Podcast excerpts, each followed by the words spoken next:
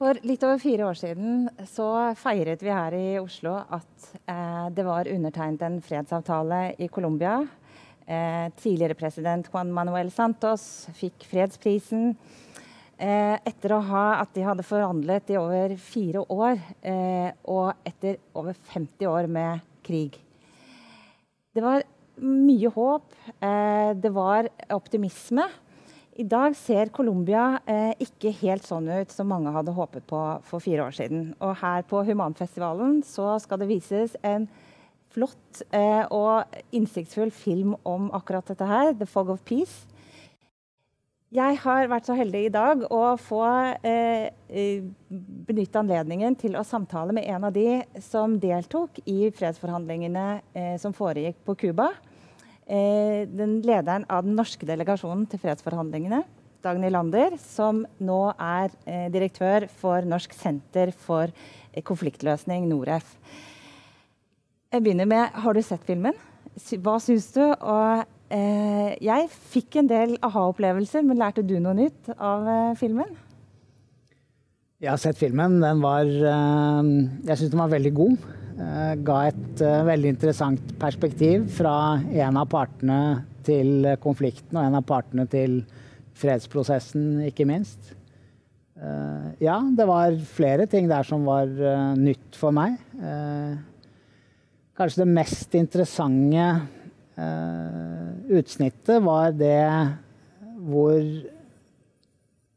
FARCs ledelse som sitter Jeg tror det er et frokostmøte i Havanna hvor de sitter og snakker om eh, vanskelighetene i fredsprosessen. Og eh, lederen for eh, FARC, Timosjenko, eh, kommer med en indirekte oppfordring til eh, eh, resten av sekretariatet og forhandlingsledelsen i, i, i, FARC og sier at jeg står inne for det vi gjør, og jeg håper at dere alle er, er med meg i det. Og det er jo da et vitnesbyrd om de spenningene som vi kunne se på overflaten, og de spenningene vi hørte om, og som vi følte internt i FARC i løpet av fredsprosessen. Men det var et veldig godt bilde på den spenningen som faktisk eksisterte, og hvor vanskelig eh, det var for eh, FARC i dette tilfellet å, stå i denne prosessen over så lang tid og gjøre alle disse vanskelige avgjørelsene og gi de konsesjonene de måtte gi for å komme frem til en endelig, endelig fredsavtale. Og de spenningene har vi jo sett veldig tydelig i det siste. Altså, en av de som satt i Havanna, er drept, og en annen har nå gjenopptatt våpen igjen. Eh, og det er jo bare noe av det som skjer i Colombia i dag. Det, hvis jeg, jeg, føler jeg får nyheter om en sosial leder, som man, begrep man gjerne bruker i Colombia, som er drept nesten hver dag. Noen mener at over 1000 er drept siden fredsavtalen ble undertegnet. Andre bruker noe lavere tall. Eh, og det, det, skjer mye annet som vi skal komme tilbake til. Men forestilte du deg at dette kunne bli eh, bli eh, utfallet dersom dere da klarte å komme fram til en avtale når du satt der i Havanna? Jeg tror alle som jobbet på denne prosessen, eh, jobbet med det mål for øye at eh, situasjonen skulle bli vesentlig bedre enn den er i dag.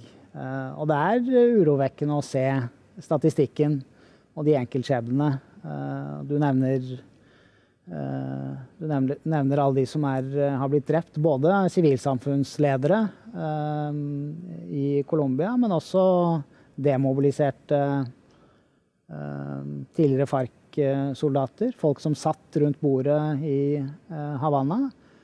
Eh, det er urovekkende og tragisk. Det var åpenbart ikke det man planla for, men samtidig Eh, så eh, er Colombia et helt annet sted i dag enn det de var for eh, noen år tilbake. Og fredsavtalen har bidratt positivt til veldig mye. Og så har man ikke klart i tilstrekkelig grad å redusere volden, ikke minst den volden som går ut over uskyldige sivile. og det er selvfølgelig dypt tragisk. Men eh, kanskje heller ikke overraskende. Det skal vi også komme tilbake til, men vi må litt tilbake til begynnelsen. Altså, eh, når, Når ble du involvert i, i, det som skjedde i Colombia, og når ble det klart for deg at Norge skulle spille en rolle i fredsforhandlinger så langt borte? Det er jo ikke egentlig noen naturlig plass for Norge å være, når vi tenker oss om. Norge har vært engasjert i Colombia gjennom flere tiår. Eh, så det norske engasjementet for fred og forsoning, menneskerettigheter, humanitære spørsmål i Colombia går langt eh, tilbake. Eh, og gradvis bygget Norge opp et tillitsforhold til politiske aktører, til sivilt samfunn, til den colombianske befolkningen generelt, som en troverdig partner på ulike områder. Og Norge har jo vært engasjert i flere fredsprosesser i, uh, i Colombia opp gjennom uh, årene. Og mitt første innblikk i uh, Colombia og fredsprosessene der kom i 2006, da Norge var engasjert i en prosess med den mindre geriljagruppen, Nasjonale frigjøringshær, ELN. Da reiste jeg til Colombia på vegne av Utenriksdepartementet for å lede den norske ambassaden og det norske teamet som jobbet med Eh, med den prosessen. Eh, den prosessen eh, kollapset på et tidspunkt i 2008. Som sånne fredsprosesser dessverre ofte gjør, fordi de er så krevende. Men det var mitt innblikk, og i løpet av den tiden, de to årene jeg var i Colombia på ambassaden og jobbet med denne mindre geriljagruppen, ELN som sagt, så um, opparbeidet jeg meg mitt kontaktnett, både i sivilt samfunn, i eh, eh, kretsen, den lovlige kretsen rundt eh, geriljaen, både ELN og FARC, og i myndighetsapparatet. Så, lovlige kretsen, er det, hva, hva, er det, på en måte? Hvem er i den lovlige kretsen? Nei, altså Jeg tror det er ganske typisk for alle bevegelser, organisasjoner, grupper grupper av, eh, av, dette slaget at det finnes De har støttespillere, sympatisører eh, eh, i sivilt samfunn blant sivile. Og det er jo ofte kjennetegnet på en gerilja at det er flytende overganger mellom den militære enheten og det sivile livet. Enten det er det daglige sivile livet, eller i mange tilfeller også en politisk del av en væpnet opprørsgruppe. Um, så i sivilsamfunnet um, så finner man ofte folk som er tett på, og som har kontakter inn til de militære lederne i en geriljaorganisasjon. Det er jo en stor satsing for et lite land som Norge. dette her. Det har gått med mye tid og krefter og mye ressurser med et veldig usikkert utfall på mange måter. Eh, var det noen gang noe, noe opposisjon hjemmefra mot at man skulle engasjere seg, eller har man fått lov å holde på med dette her litt sånn under radaren? Nei, vi, vi, pleier jo å si at uh, det er uh, tverrpolitisk enighet om uh, det norske fred- og forsoningsengasjementet. Det er jo delvis, delvis, riktig. Det er vel noen politiske partier og aktører som er mindre entusiastiske enn andre, men gjennomgående så er det bred støtte Eh, opplever jeg, fra de politiske partiene og eh, blant det norske folk for at Norge er engasjert på denne måten. Og så er jo spørsmålet i enkeltprosesser og uh, i enkeltland, enkeltkonflikter, hvorvidt Norge faktisk skal bruke ressurser på denne type arbeid. Um, vel, da jeg kom tilbake fra Colombia i 2000 og, eh, 2008 så uh, fortsatte jeg å jobbe med Colombia. Og fikk uh, overbevist min nærmeste leder i UD uh, og utenriksministeren om at dette var det verdt å satse på.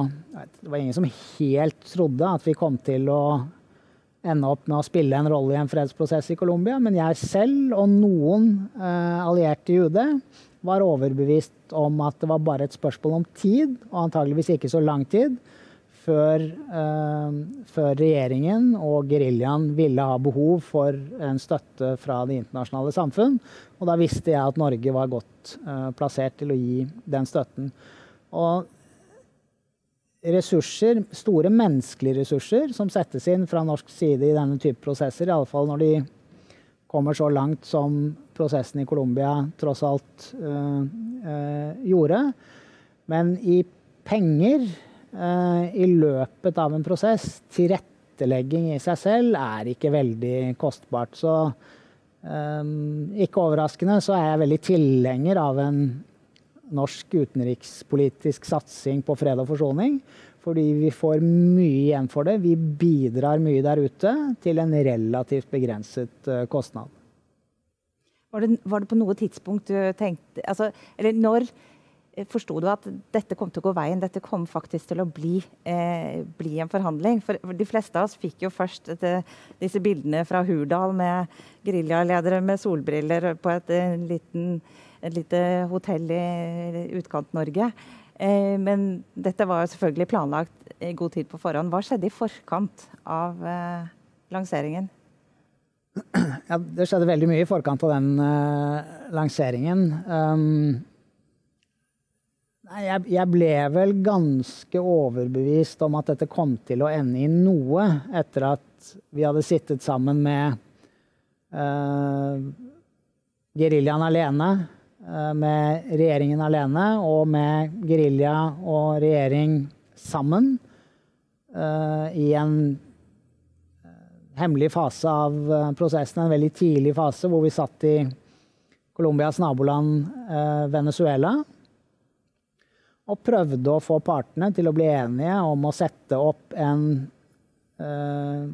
innledende prosess hvor man skulle bli enige om en agenda for forhandlingene, hvor man skulle forhandle osv. En del sånn praktiske spørsmål rundt en fredsprosess. Og jeg tilbrakte masse tid, husker jeg. Eh, jeg tror kanskje det gikk opp for meg i løpet av de samtalene jeg hadde med utsendingene fra FARC. Vi satt, satt på en bondegård ikke så langt over grensen mellom Colombia og, uh, og Venezuela. Satt i et hus der, ute i en hage med disse FARC-kommandantene som har blitt sendt ut av sine sjefer, sekretariatet, for å, for å sondere med regjeringen, med eh, hjelp da fra Venezuela, Cuba og, og, og, Norge på den tiden. Um, uh, og de stilte så inngående spørsmål om uh, Norge. De hadde så mye de lurte på. Og ikke minst når vi kom til spørsmålet om hvordan skal vi frakte en forhandlingsdelegasjon i all hemmelighet fra Colombia og ut av landet til det stedet forhandlingene skal, skal, finne sted. Og det ble jo etter hvert bestemt at det stedet skulle være Cuba. Men det var så mange spørsmål rundt det praktiske, hva Norge kunne bidra med i den transporten og hemmeligholdet av eh, den, den, eh, tidlige fasen av prosessen. Og da begynte jeg å skjønne at de mente eh, alvor. Og tilsvarende fra, fra regjeringen. Eh, på den tiden forsto jeg også at de eh, mente alvor. Selv om vi ikke kunne være sikre når denne fasen av prosessen, denne dypt hemmelige fasen av prosessen fant sted det var bare noen få som visste om dette. Bare noen få i FARC, bare noen få uh, i regjeringen.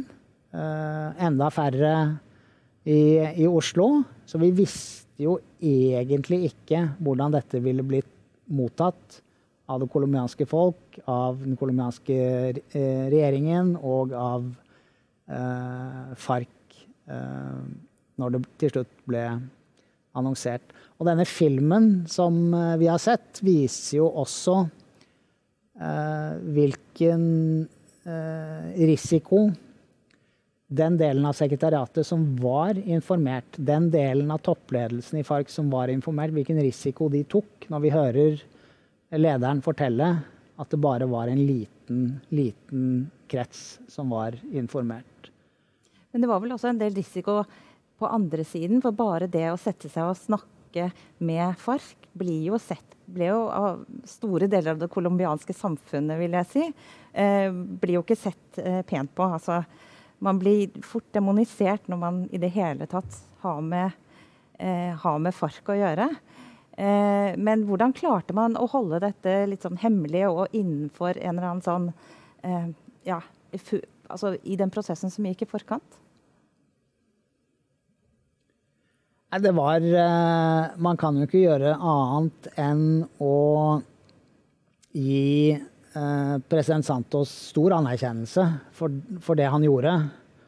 Og at han turte å starte denne prosessen med, med, med FARC. Ofte er det jo sånn at opprørsbevegelser, geriljagrupper, ønsker å komme i dialog eh, til å snakke med den regjeringen de, de, kjemper mot. Det gir dem legitimitet, det gir dem en plattform. Eh, det viser at de er relevante både eksternt og internt i eh, bevegelsen. Men for en regjering, ikke minst i Colombia, for en president som Santos, som ble valgt for å fortsette den linjen som den foregående presidenten hadde kjørt.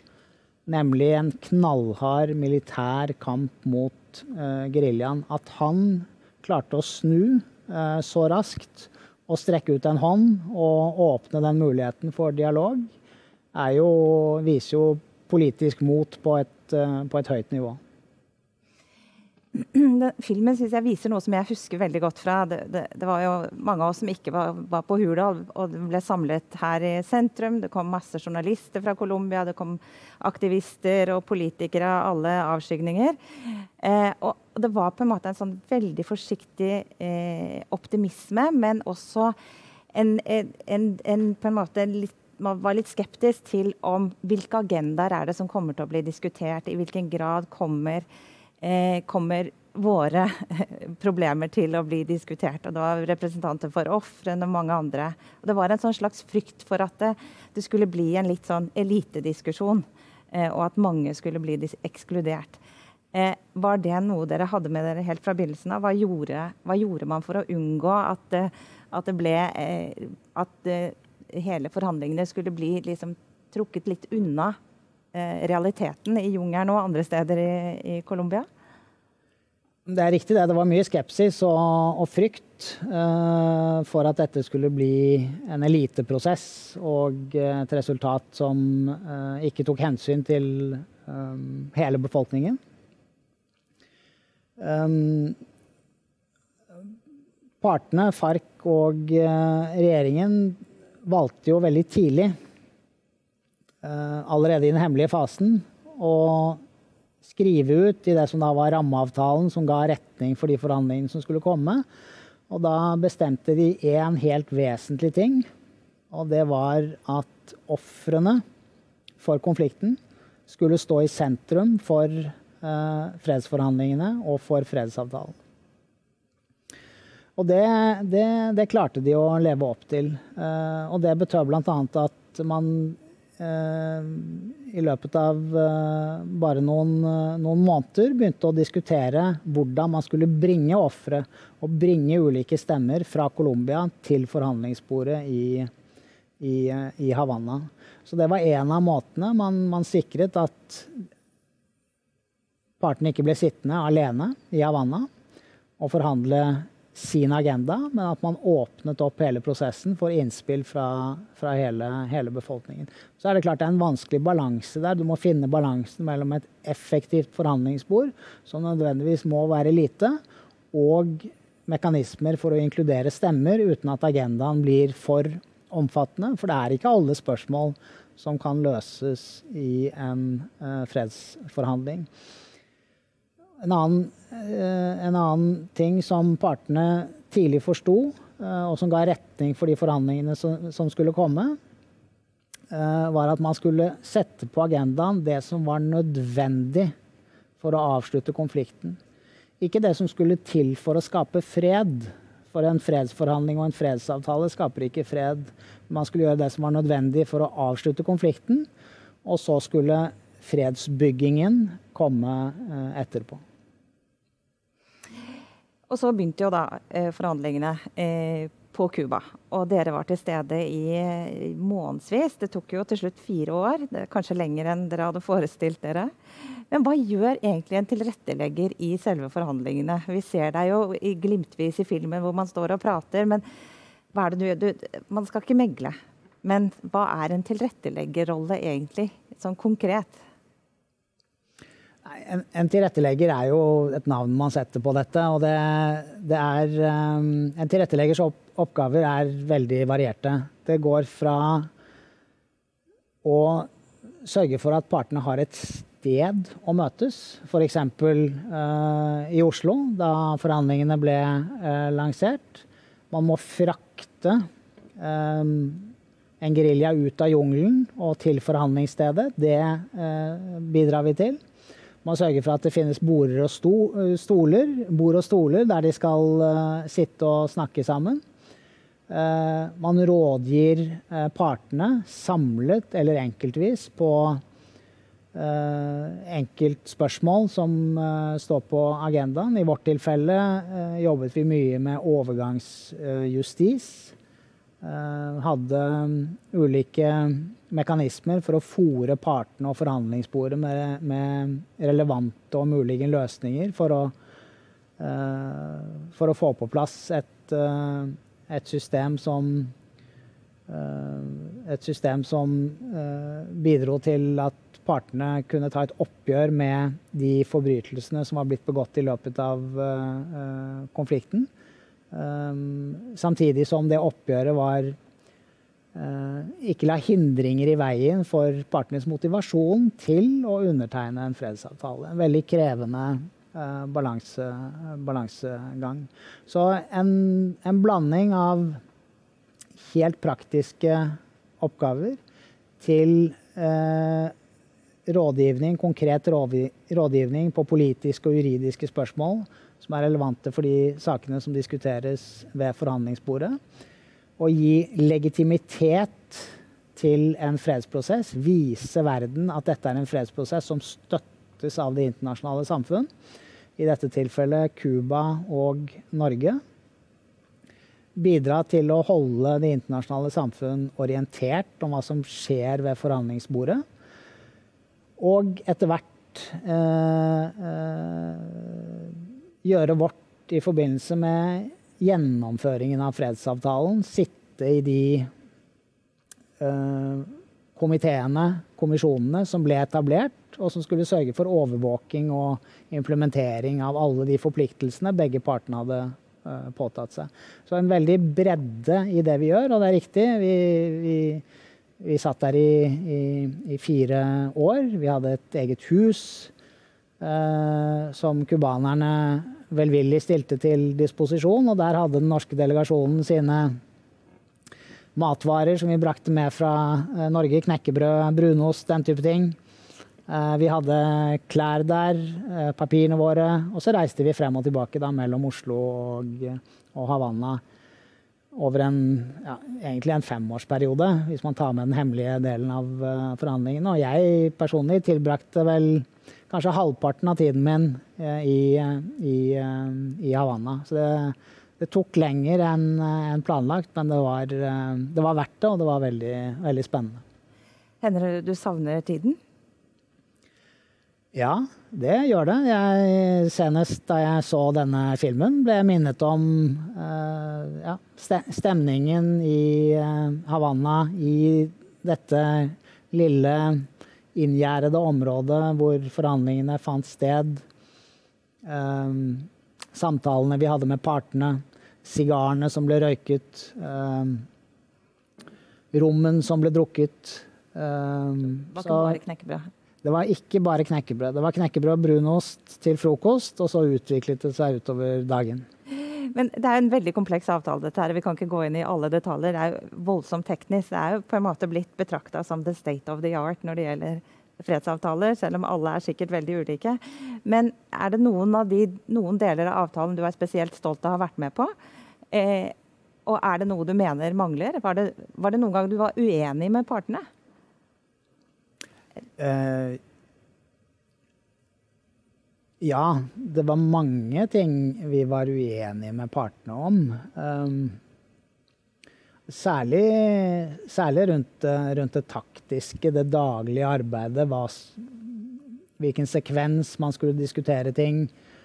Um, på overgangsrettferdighet, som nevnt, hvor vi bidro ganske aktivt.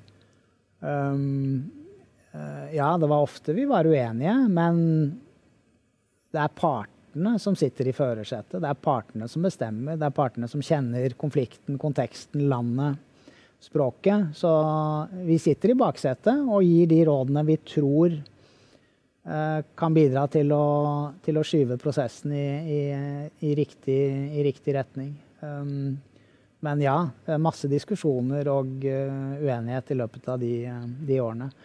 Og uh, avtalen ble bra. Den ble ikke perfekt, men den ble bra. Uh, en av de mest omfattende uh, avtalene i historien, tror jeg, når man sammenligner tilsvarende konflikter og, uh, og, prosesser. Det er ikke deler av avtalen som jeg er mer stolt av enn en andre. Jeg er stolt av hele, av hele avtalen. men det jeg er kanskje aller mest stolt av, det er den aller, aller første avtalen partene kom til.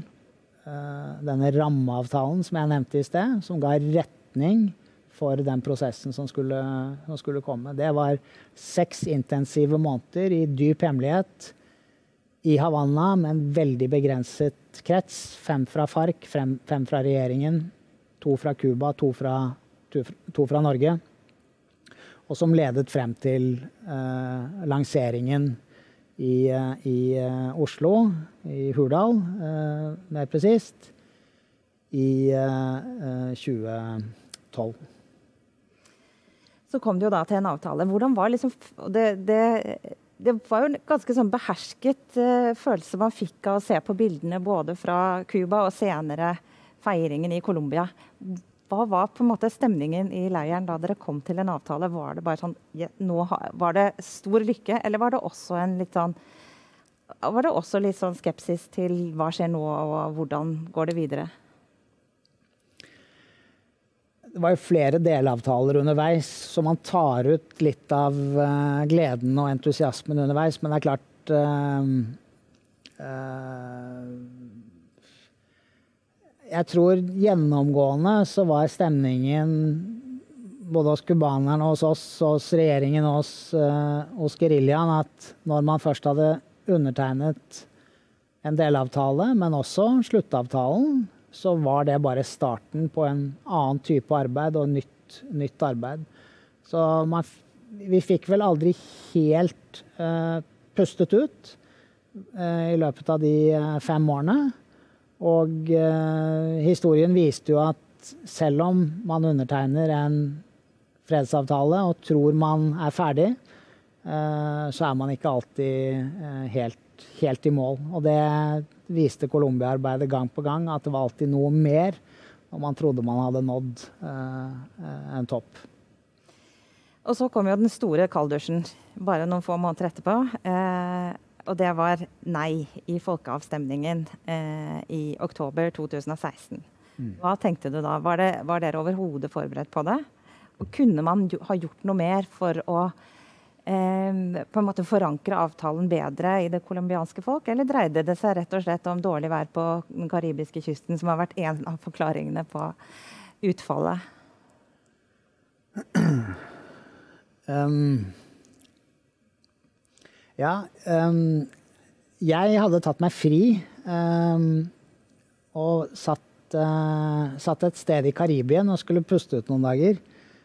Etter at uh, den endelige avtalen var undertegnet og uh, folkeavstemningen skulle, skulle, avholdes. Og så kom dette uværet da, innover Atlanterhavet, retning Karibien og skulle slå inn i Colombia. Jeg, jeg jeg, og jeg husker jeg satt der og tenkte at jeg kan ikke sitte her, jeg må dra til Colombia, for vi er ikke ferdig. Ikke at jeg forutså at været skulle få store konsekvenser, eller at eh, fredsavtalen skulle bli nedstemt i, i folkeavstemningen, men ja, før jeg visste ordet av det, så satt jeg på et fly og var på vei til, uh, vei til Bogotá. Og vi var nervøse. Eh, vi hadde snakket både internt på norsk side, men også med partene i, i prosessen, at uh, det var langt fra sikkert. Um, og dette var jo uh, like etter brexit-avstemningen, som også var en overraskelse. Så det var en viss nervøsitet. Men jeg tror ikke det var noen som tok det helt inn over seg. På norsk side hadde vi, hadde, hadde vi begynt å tenke på hva vi skulle gjøre dersom det ble et nei. Men vi trodde ikke helt uh, på det. Kunne man ha gjort noe annerledes? Ja, helt åpenbart. Um, uh, helt åpenbart. Man kunne nok ha solgt inn uh, fredsavtalen på en bedre måte. Kanskje inkludert de stemmene som var lett å manipulere og påvirke i valgkampen. Og da tenker jeg f.eks. på deler av det konservative Colombia um, som uh, lot seg påvirke av det som i ettertid, når man studerer dette, fremstår som ren manipulasjon og en del løgn om hva avtalen inneholdt, og hvilke konsekvenser den ville få for, uh, for landet. Dette med uh, denne stormen, eller orkanen, som slo inn på kysten, og som muligens forhindret folk fra å stemme. Det spilte nok en rolle, men eh, det var en veldig målrettet og godt gjennomført eh, kampanje fra nei-siden, mens ja-siden kanskje tok seieren litt på, på, forskudd. Og det endret jo ganske mye. Altså, tror du vi kunne ha hatt en annen situasjon i dag om det var den opprinnelige avtalen som skulle implementeres, i forhold til den som da ble reforhandlet med større representasjon fra nei-siden? Nei, jeg, jeg, tror ikke situasjonen hadde vært veldig annerledes. Jeg tror nei i folkeavstemningen var jo også et uttrykk for at det var en, det var en, en bevegelse, en tilstrekkelig stor motstand i det colombianske folk, som etter, etter, hvert manifesterte seg at man fikk en, en annen president, selvfølgelig, som gikk til valg på en vesentlig mer skeptisk plattform. Ehm, så jeg tror ikke vi hadde vært et annet sted med den opprinnelige uh, fredsavtalen. Det, det, tror jeg ikke. Ikke et dramatisk annet sted, i hvert fall. Men så skjedde jo noe like etter det igjen, og det var at det ble annonsert at Santos uh, skulle få Nobels fredspris alene, og ikke sammen med noen representanter fra den andre siden, eller representanter fra ofrene som også var blitt foreslått. Hva tenkte du da du fikk vite det? Santos har jo selv sagt noe i retning av at fredsprisen kom fra himmelen, eller noe sånt. Det var akkurat det halmstrået han trengte. Men det er klart det var reaksjoner på at uh, prisen ble tildelt én av partene i uh, prosessen, og ikke begge. Eller ofrene i prosessen. Um, jeg kjenner jo ikke til rådslagningen i Nobelkomiteen, selvfølgelig. Det, eh, men sånn fredsprisen til slutt kom ut, og tidspunktet den kom på, var den helt avgjørende for at Santos fikk det lille pustet han trengte for å kunne gå videre eh, med eh, forhandlingene. Og følte, at, følte, seg styrket i sin tro på at at dette var mulig, og vi fikk da denne reforhandlingen av, eh, av fredsavtalen. Eh, men altså, eh, Colombia er jo et demokrati, som du har vært inne på. Så var det også et valg, og du fikk et, et politisk skifte. Og det, det, er jo på en måte en sånn slags eh, Litt sånn vanskelig Man sitter jo og forhandler om egentlig et lands eh, et, Delvis et lands utvikling, men med bare noen noen representanter for det landet, mens alle har eh, en stemmerett. Hva hadde det politiske skiftet som skjedde da i 2018 eh, å si for det videre arbeidet med implementeringen? Som du har nevnt, så, så var det jo altså et parti som var langt mer skeptisk. Noen representanter sa at de ville rive avtalen til, i fillebiter. Det har jo den nåværende regjering eh, altså, De har jo moderert seg veldig i forhold til det, og, og, gjør jo en del. Men det har jo ikke vært den driven som man kanskje kunne ønske seg i implementeringen. Men Sier dette noe om, om, mulighetene som man i det hele tatt har eh, til å få til fred ved å sitte og forhandle ved et bord med en gruppe i et demokratisk land? Ja, altså, altså Fredsforhandlinger med, i, i, et demokrati er jo kjempekrevende. For da sitter en folkevalgt regjering og forhandler med en gruppe som ikke er en del av demokratiet, men som sitter og forhandler delvis i kraft av at de har våpen og er en trussel mot, uh, mot innbyggere og stat osv. Så, videre. så spørsmålet er jo da hvordan får man etter hvert kanalisert en prosess og en avtale inn i det demokratiske systemet. Og det gjorde man da eh, i Colombia på ulike måter, men grovt fortalt. Først forsøkte man seg gjennom en folkeavstemning, og så etter hvert eh, via, via, Kongressen med den reforhandlede, reforhandlede avtalen. Og en, og en, fredsavtale er jo et, er jo et dynamisk instrument den skal eh, gjennomføres i en politisk virkelighet selvfølgelig, over lang tid, kanskje over et 20-årsperspektiv, med skiftende regjeringer. Eh, så fortolkningen av avtalen vil alltid endre seg. Motivasjonen for hvilke deler av avtalen som skal implementeres, i hvilken sekvens osv. vil endre seg. Og avtaler vil ofte reforhandles og presiseres av partene. Um, så det er, det er, ikke overraskende at gjennomføringen ikke blir akkurat som uh, man hadde sett for seg, og som man hadde skrevet ned. Og jeg tror kanskje en av svakhetene ved prosessen i Colombia var uh, nærmest en, hos enkelte en, en, en, veldig tro på at hvert eneste ord og hvert eneste komma var helt avgjørende for hvordan sluttresultatet og gjennomføringen av avtale skulle, skulle bli. Um, en av grunnene til at avvæpningen, demobiliseringen av FARC gikk så raskt og var så vellykket i manges øyne, var jo nettopp fordi FARC forsto etter hvert at deres, at deres eneste garanti var å delta i det politiske liv. De skjønte og mente at for å sikre gjennomføring av fredsavtalen, så må vi inn i politikken så fort som mulig. Og for å komme inn i politikken så fort som mulig, så må vi legge ned våpnene i henhold til avtalen. Og derfor gikk demobiliseringen i, i rekordfart. Mange på utsiden og internt i FARC også, ante, mente at man burde vente lenger med å legge ned våpnene. Det er jo forhandlingskortet en, en gerilja har. Man burde gjøre dette gradvis og se om re, gjør regjeringen sitt, så gjør, gjør vi vårt. Og gjør, gjør dette gradvis over, over, lang tid. Det hadde vært helt umulig i den colombianske politiske konteksten. Så for å sikre egen legitimitet og legitimitet i fredsavtalen, så valgte de å, å gjøre dette på rekordtid. Til tross for den motstanden de, de, de visste fantes i den colombianske befolkningen. Så jeg snakket om president Santos mot tidlig i prosessen, motet til faktisk å gjøre dette. Og ta sjansen på hemmelige forhandlinger med FARC, som var demonisert i store deler av befolkningen.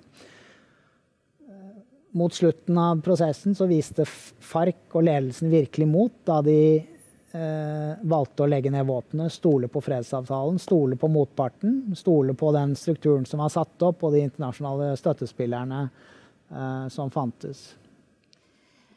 Disse to elementene i avtalen, altså demobiliseringen og politisk deltakelse, det er vel blant de som eh, blir evaluert som eh, på en måte at der har man kommet lengst i forhold til det avtaleverket. Men så gjenstår det voldsomt mye på det som gjelder eh, utvikling på landsbygda. Og, eh, og, ikke minst at man ser nå eh, det å Altså levekårene til mange av tidligere FARC-soldater er veldig dårlige.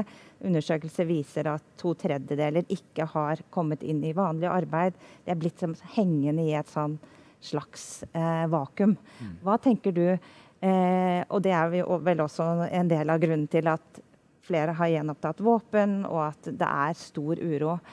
Hva tenker du kunne vært gjort annerledes for å forhindre den situasjonen man er i nå, særlig da i forhold til tidligere FARC-soldater? og deres omfattende frustrasjon i forhold til implementeringen? Altså, det, det, enkle svaret, og et delvis dekkende svar, er at mer burde vært gjort fra de som skulle gjennomføre det som faktisk var bestemt i avtalen, med hensyn til reintegrering, sørge for å skaffe de som hadde lagt ned våpnene, skaffe dem eh, arbeid og et sikkerhetsnett osv. Uh, sørge for å gjennomføre den delen av avtalen som gikk på jordreform, uh, f.eks. Men dette handler også om hvordan hvis vi ser tilbake på prosessen, hvordan vi kunne ha gjort ting annerledes i prosessen. Ehm, F.eks. å sørge for at det var tettere forbindelser mellom det arbeidet som ble gjort i Havanna rundt våpenhvile og demobilisering, og det arbeidet som ble gjort i Havanna rundt eh, reintegrering eh, av FARC-soldater. Der, der, er det en del ting i ettertid vi ser som kunne vært gjort uh, på, en, på, en, annen måte. Men først og fremst så vil jeg si at det var, var, viljen og trykket på gjennomføringen av fredsavtalen i de første årene som var hoved, hovedutfordringen. Det har endret seg etter det. Jeg opplever nå at det er mer interesse for å sette kraft bak den delen av avtalen eh, også. Og, og som du nevnte eh, Nåværende president gikk til valg, i hvert fall deler av hans politiske parti og bevegelse gikk til valg på å rive avtalen i fillebiter. Eh, det er ikke lenger situasjonen. Nå er snarere situasjonen, og det vi hører, er at de skal gjøre enda mer enn foregående regjering for å få gjennomført og implementert denne fredsavtalen. At de skal være enda flinkere enn de foregående. Så det får vi ta som et, et positivt tegn og håpe at det er uh, riktig. Men En ting som eh, forundrer meg litt som statsviter, det er at ikke dette eh, ganske, sånn, altså det ganske lett å, å, forutse at i en del konfliktområder, når, når geriljaen legger ned våpen, og man også demobiliserer på andre siden, at det oppstår et slags sånn maktvakuum. Eh, og at eh, i disse områdene hvor det er lite statlig tilstedeværelse, at da det kommer nye væpna aktører, som vi har sett. Både kriminelle grupperinger, det er paramilitære grupperinger. Hva ble gjort for å unngå en sånn situasjon eh, mens man satt og, og forhandla om dette her? Dette var det veldig høyt fokus på i, i løpet av forhandlingene. Man snakket om colombianske paramilitære, man snakket om colombianske bander, man snakket om meksikanere som var på vei ned fra Mexico og inn på det inn på det colombianske territoriet. Eh, for særlig den colombianske narkotikaproduksjonen og smuglingen, første ledd av den strømmen av kokain som gikk fra Colombia opp nordover og til Europa. Første ledd var jo primært colombiansk kontrollert. Og så fikk man signaler i løpet av forhandlingene når alle, vi og inkludert, så at dette muligens gikk i retning av en fredsavtale. At det var et håp om at man kunne nå frem dit. Og da satt det folk på utsiden og, og, begynte å forberede seg. Det kom signaler om at det var internasjonale aktører som ville inn og etablere seg. Det gikk rykter om kartel, eh, meksikanske karteller som skulle inn. Eh, så dette var det høy, eh, høy fokus på. Og også en, sånn, en erkjennelse av at store deler av det colombianske territoriet er har lidd under mangel på statlig fravær. Ikke bare fordi områdene har vært voldelige og kontrollert av ulike væpnede grupper, eh, men fordi det er, eh, ja, det, er mange, det er, mange, strukturelle grunner til at staten ikke alltid fullt ut har vært til stede i eh, alle kroker og kriker av, av Colombia. Så det var, det, det var eh, stor fokus på dette. Behovet for at den colombianske stat rykket inn i de områdene som FARC eh, forlot. Eh, man visste at det kom til å bli vanskelig, men det ble antagelig vanskeligere enn det man hadde, hadde forutsett. Det er på en måte to historier om hva som skjer nå. Det finnes, eller mange historier. Colombia er jo et ekstremt komplekst land. Det er jo mange realiteter som lever ved siden av hverandre. Men Mens regjeringen sier at dette her er jo da kriminelle grupperinger, det er kriminelle årsaker til alle disse drapene nå, så vil andre si at dette er delvis liksom systematisk, og regjeringen bryr seg ikke egentlig om hva som skjer med disse som bor i de konfliktområdene dypest sett. De ønsker å rydde en del områder for ny økonomisk aktivitet, men utover det så er de ikke så opptatt av hva som skjer.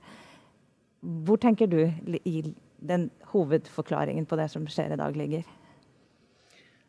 Nei, jeg, jeg tror eh, det er vanskelig å gi en, forklaring på det. Det er veldig, det er veldig sammensatt. Colombia har vært uh, et land som har slitt med uh, ulike typer av uh, konflikter. Et høyt, høyt voldsnivå.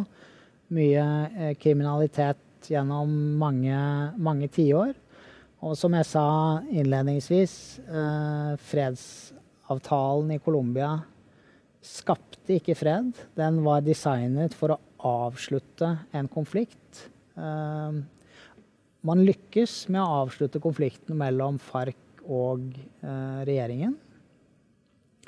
Og så gjenstår det konflikter. ELN eh, e er fremdeles eh, i full operasjon i, i Colombia. Det finnes mange ulike kriminelle grupper med stor våpenkapasitet. Så det er, det er, krevende, dette kommer til å ta tid. Gjennomføringen og implementeringen av fredsavtalen er dynamisk. Krevende landskap å eh, operere i. Vanskelig å endre fra en dag til en, til en annen. Konflikten i Colombia har vart i mange tiår. 50 år pluss. Eh, med, mellom staten og FARC og ELN. Um, det har skjedd veldig mye i Colombia i løpet av de siste, siste årene. Så fredsprosessen, fredsavtalen, har endret mye. Men det endrer seg ikke til dramatisk til de bedre fra en dag til en annen. Men nå er grunnlaget lagt eh, langt på vei.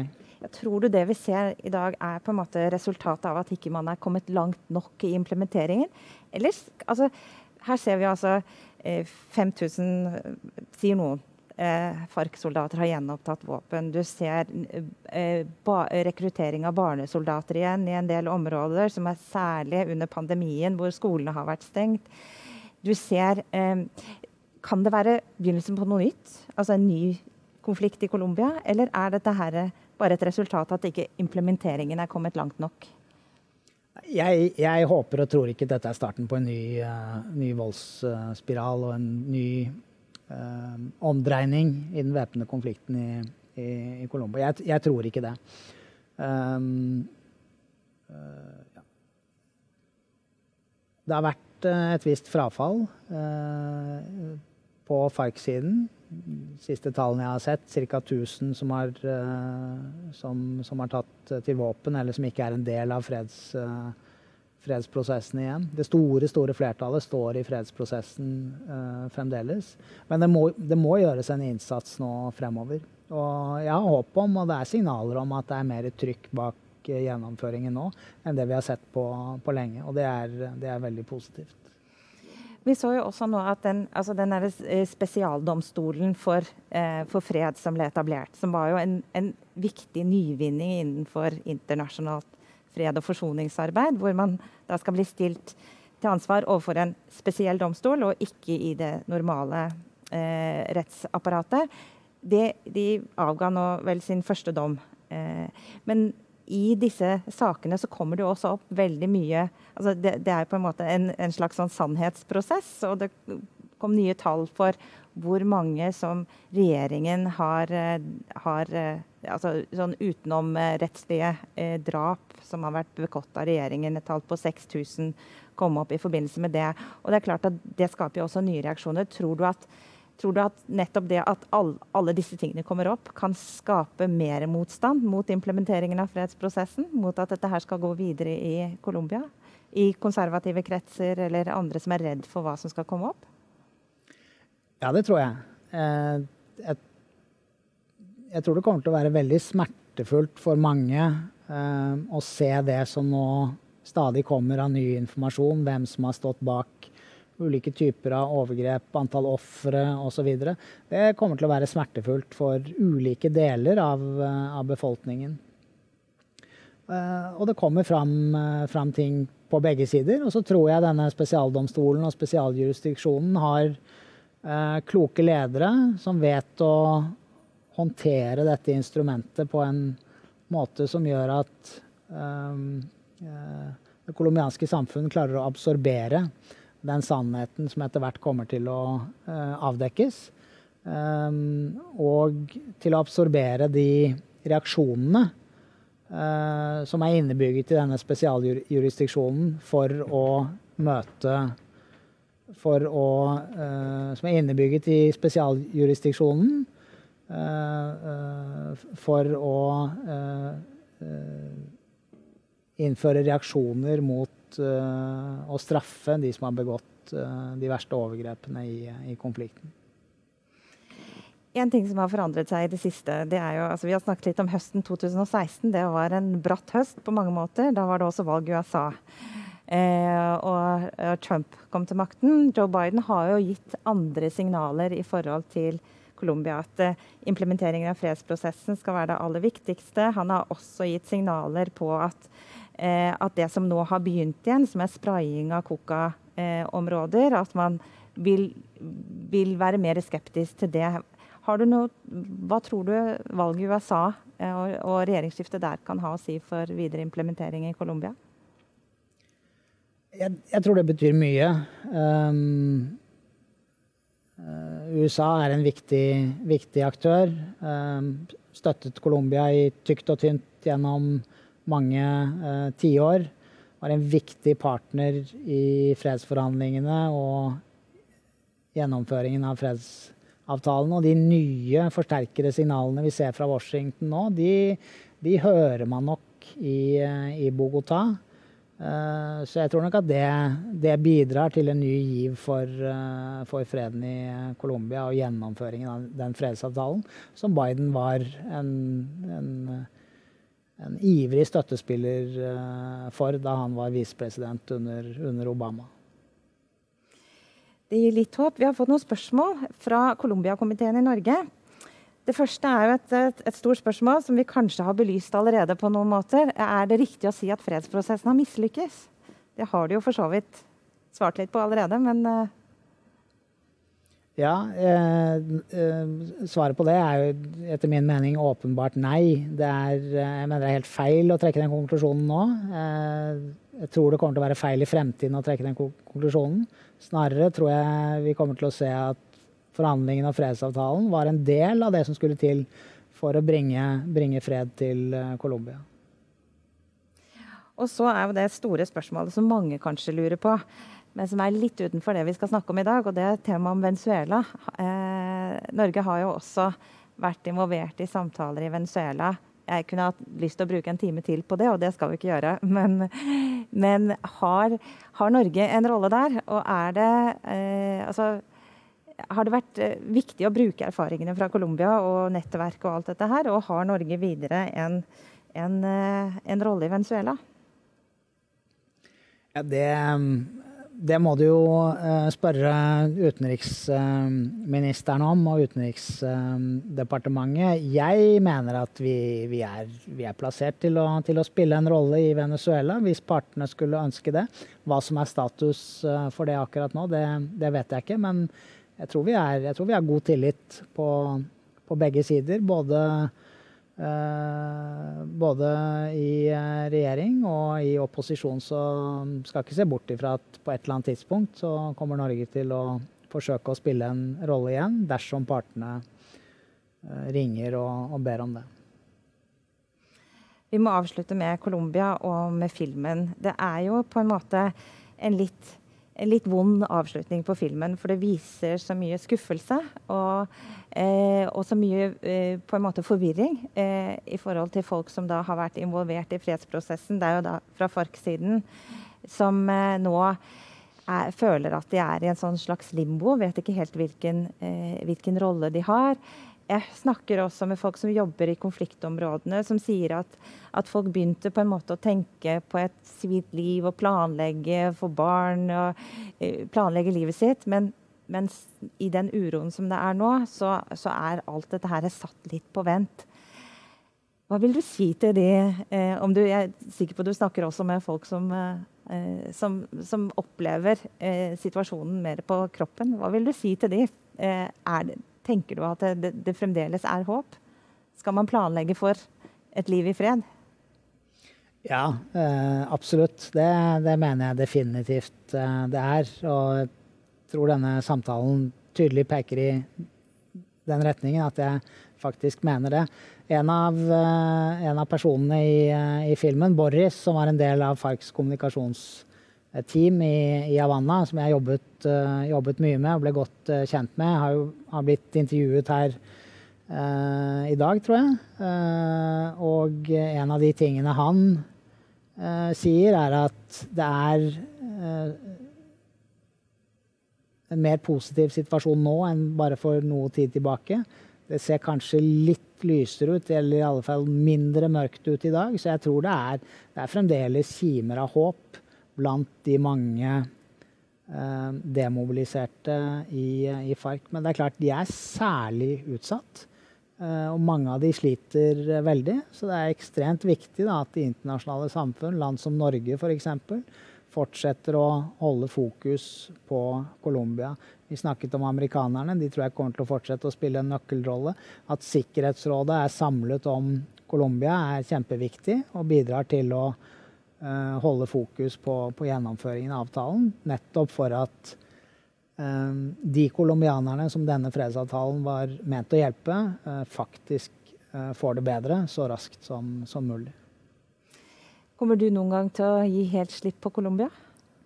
Nei, det tror jeg ikke. Jeg, da jeg sluttet å jobbe med Colombia i eh, begynnelsen av eh, 2017, så var jeg helt sikker på at jeg ikke skulle drive noe mer med Colombia. Men jeg må jo si at etter hvert som tiden går, så får jeg mer, mer og mer lyst til å reise tilbake og Eh, se hvordan det står til, å snakke med eh, venner og, og, kjente, og møte de jeg jobbet med gjennom så mange år i, i fredsprosessen. Så nei, jeg kommer ikke til å gi helt slipp på, på Colombia.